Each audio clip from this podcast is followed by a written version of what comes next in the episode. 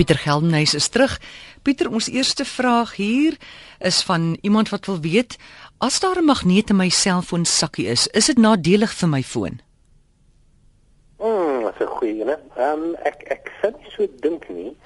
Ehm um, gewoonlik het magnete maar net 'n probleem met met harde skywe wat wat self 'n magneetbasis het, maar die meeste van die komponente binne in 'n selfoon ehm um, het uh, het wel nie stoorspasie wat wat die magnetisme sal beïnvloed nie.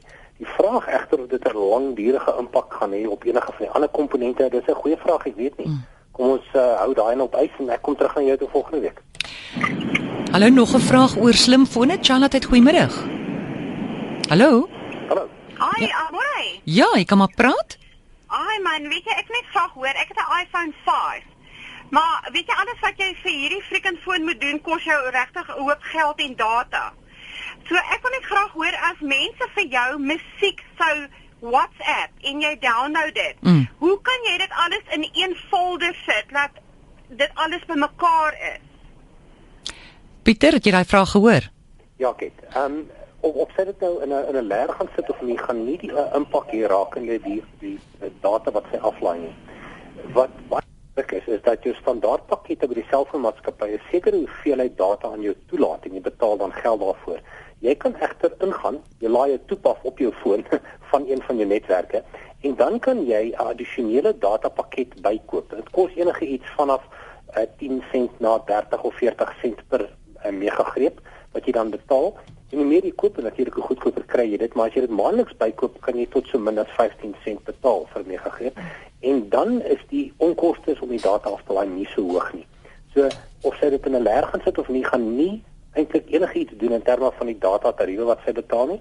My ander aanbeveling is dat sy Wi-Fi by die huis gebruik en dan die meeste van die data daar aflaai, want jy betaal nie daarvoor nie. Maar indien sy wel haar selfoon baie gaan gebruik weg van die huis af in 'n werkomgewing, sal ek wel aanbeveel dat sy 'n laer datapakket of 'n laer koste datapakket op aan haar bestaande selfoonpakket koppel en dan val die koste dramaties. Gou vinnig vir ons het verlede week ook hierdie vraag gehad oor WhatsApp. Sien nou maar jy laai nou niks af nie. Jy gebruik dit om om boodskappe te stuur. Um, ek praat gister met jy weet ek ek roep altyd 'n kind onder 20 om te sê hoe nou met my foon en ek sien die nuwe WhatsApp is daar en ek sê moet ek dit aflaai sal ek vir hom betaal hy sê nee tannie glad nie maar jy het tog verlede week gesê jy, ons sal moet nou begin te betaal vir WhatsApp ek ek ek, ek dink hulle gee vir jou 'n jaar gra, is grasie en dan maak jy doodseker dat die WhatsApp maatskappy is. Anders waar slinkse mense daar buite, so moenie op 'n SMS of enigiets anders reageer nie.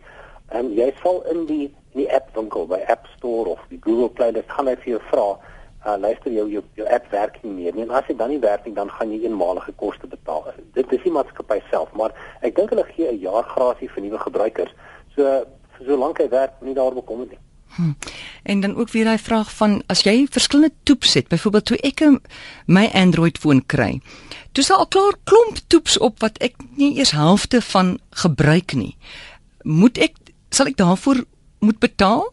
Nee nee, daar's gewoonlik nie betaling daaraan gekoppel nie. Baie keer is die is die vervaardiger van die foon het sy eie toeps gebou. So as 'n vervaardiger Samsung of LG of Sony, uh, het hulle hulle eie toeps en hulle laai dit gewoonlik op die foon en dit het alles te doen met notas wat jy skep of musiek wat jy aflaai of video's wat jy kan kyk. En ehm um, as jy nie enige produkte of enige video's of musiek aflaai nie, gaan jy nie daarvoor hoef te betaal nie.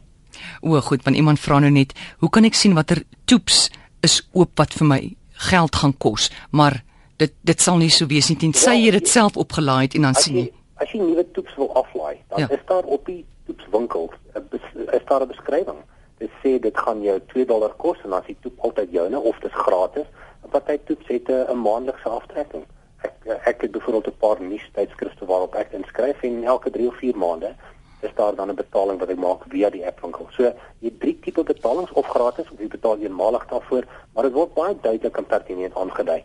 En dan natuurlik uh, is daar 'n baie groot ewel, hulle noem dit intoep aankope. So jy speel 'n speletjie en dan moet jy 5000 boontjies kry om nou een of ander na volgende vlak toe te gaan en dan sê mense ja, gaan voort. Ehm um, en dis gewoonlik die die kinders wat daarmee speel wat dan pas se kredietkaarte daarin gekoppel. En hulle koop die 5000 boontjies so Jan in die boontjie rank om dan eh, 'n uh, ander ander speletjie te speel. En dit is 'n bietjie van 'n ewel. So maak net seker dat jy uh, binne uh, op jou foon kan jy dit wel afskakel. Jy kan sê dat die aankope van enige krediete binne in toeps nie toegelaat word nie. En veral as jou kinders dit gebruik, is dit miskien 'n goeie aanbeveling. Martie wil weet as jou foon gesteel word en jou inligting op die foon is geblok, kan kan die dief nog toegang hê tot sekere inligting?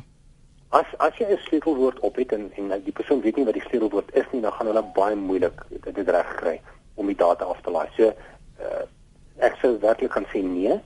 Ehm um, natuurlik uh, is daar 'n manier om dit te doen, maar jy moet baie hoog gespesialiseerd wees om, om dit reg te kry om werklik die data af te trek. Die normale man op straat of die gewone dief, daar's nie 'n manier dat hulle by jou data kan uitkom as jy dan dit, met 'n sleutelwoord dit gestop het nie. Uh, daar is natuurlik ook ook toets wat jy kan aflaai op jou foon waar jy jou inligting koordloos of of oor die netwerk kan uitvee en natuurlik ook jou foon kan opspoor. Uh Apple het 'n iCloud diens en die Android foon het ook dieselfde diens waar jy dan dit kan aktiveer en vanaf 'n rekenaar uh kan jy dan presies sien waar jou foon is. Indien die foon nog aan is en ehm um, jou profiel nog aan is. Jy praat nou van 'n sleutelwoord. Vandat ek 'n slimfoon gebruik, daar's nie 'n sleutelwoord wat ek moet intik nie. Ek sit net my foon aan en af by 'n knoppie. Gewoonlik as jy die die die toets moet aflaai, dan gaan hy en jy moet betaal, dan vra hy vir jou om 'n sleutelwoord in te tik. So as jy wel 'n selfoon of 'n rekening het met 'n kredietkaart hmm. en jy laai toets af waar waarvoor jy geld moet betaal, gaan hy wel vir jou vra. Jy kan wel 'n opstelling op jou foon doen waar jy die sekuriteit kan opstel.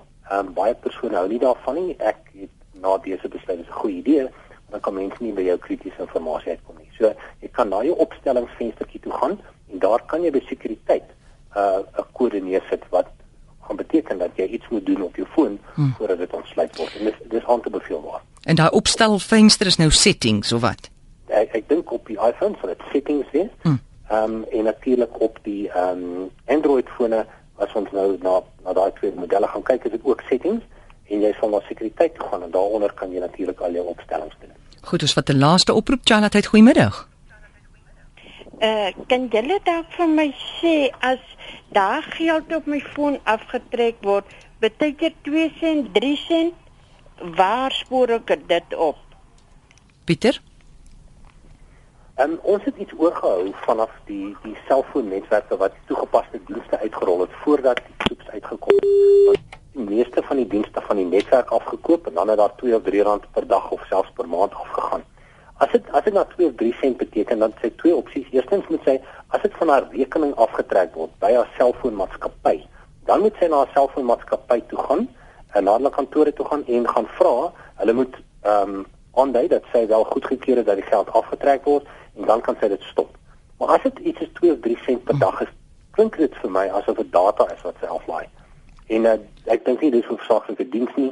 Um, ek dink dit is maar data tariewe wat sy gebruik. Soos hy WhatsApp of wat ek al gebruik het, daar dan data kostes en dit is dan die kostes wat aftrek as dit so min is.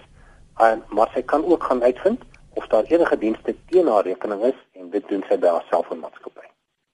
Goed, Pieter, jy's ook daar betrokke by die Potchefstroom se besigheidskool en ek sien jy het nuwe internasionale akkreditasie gekry. Wat beteken dit en baie geluk?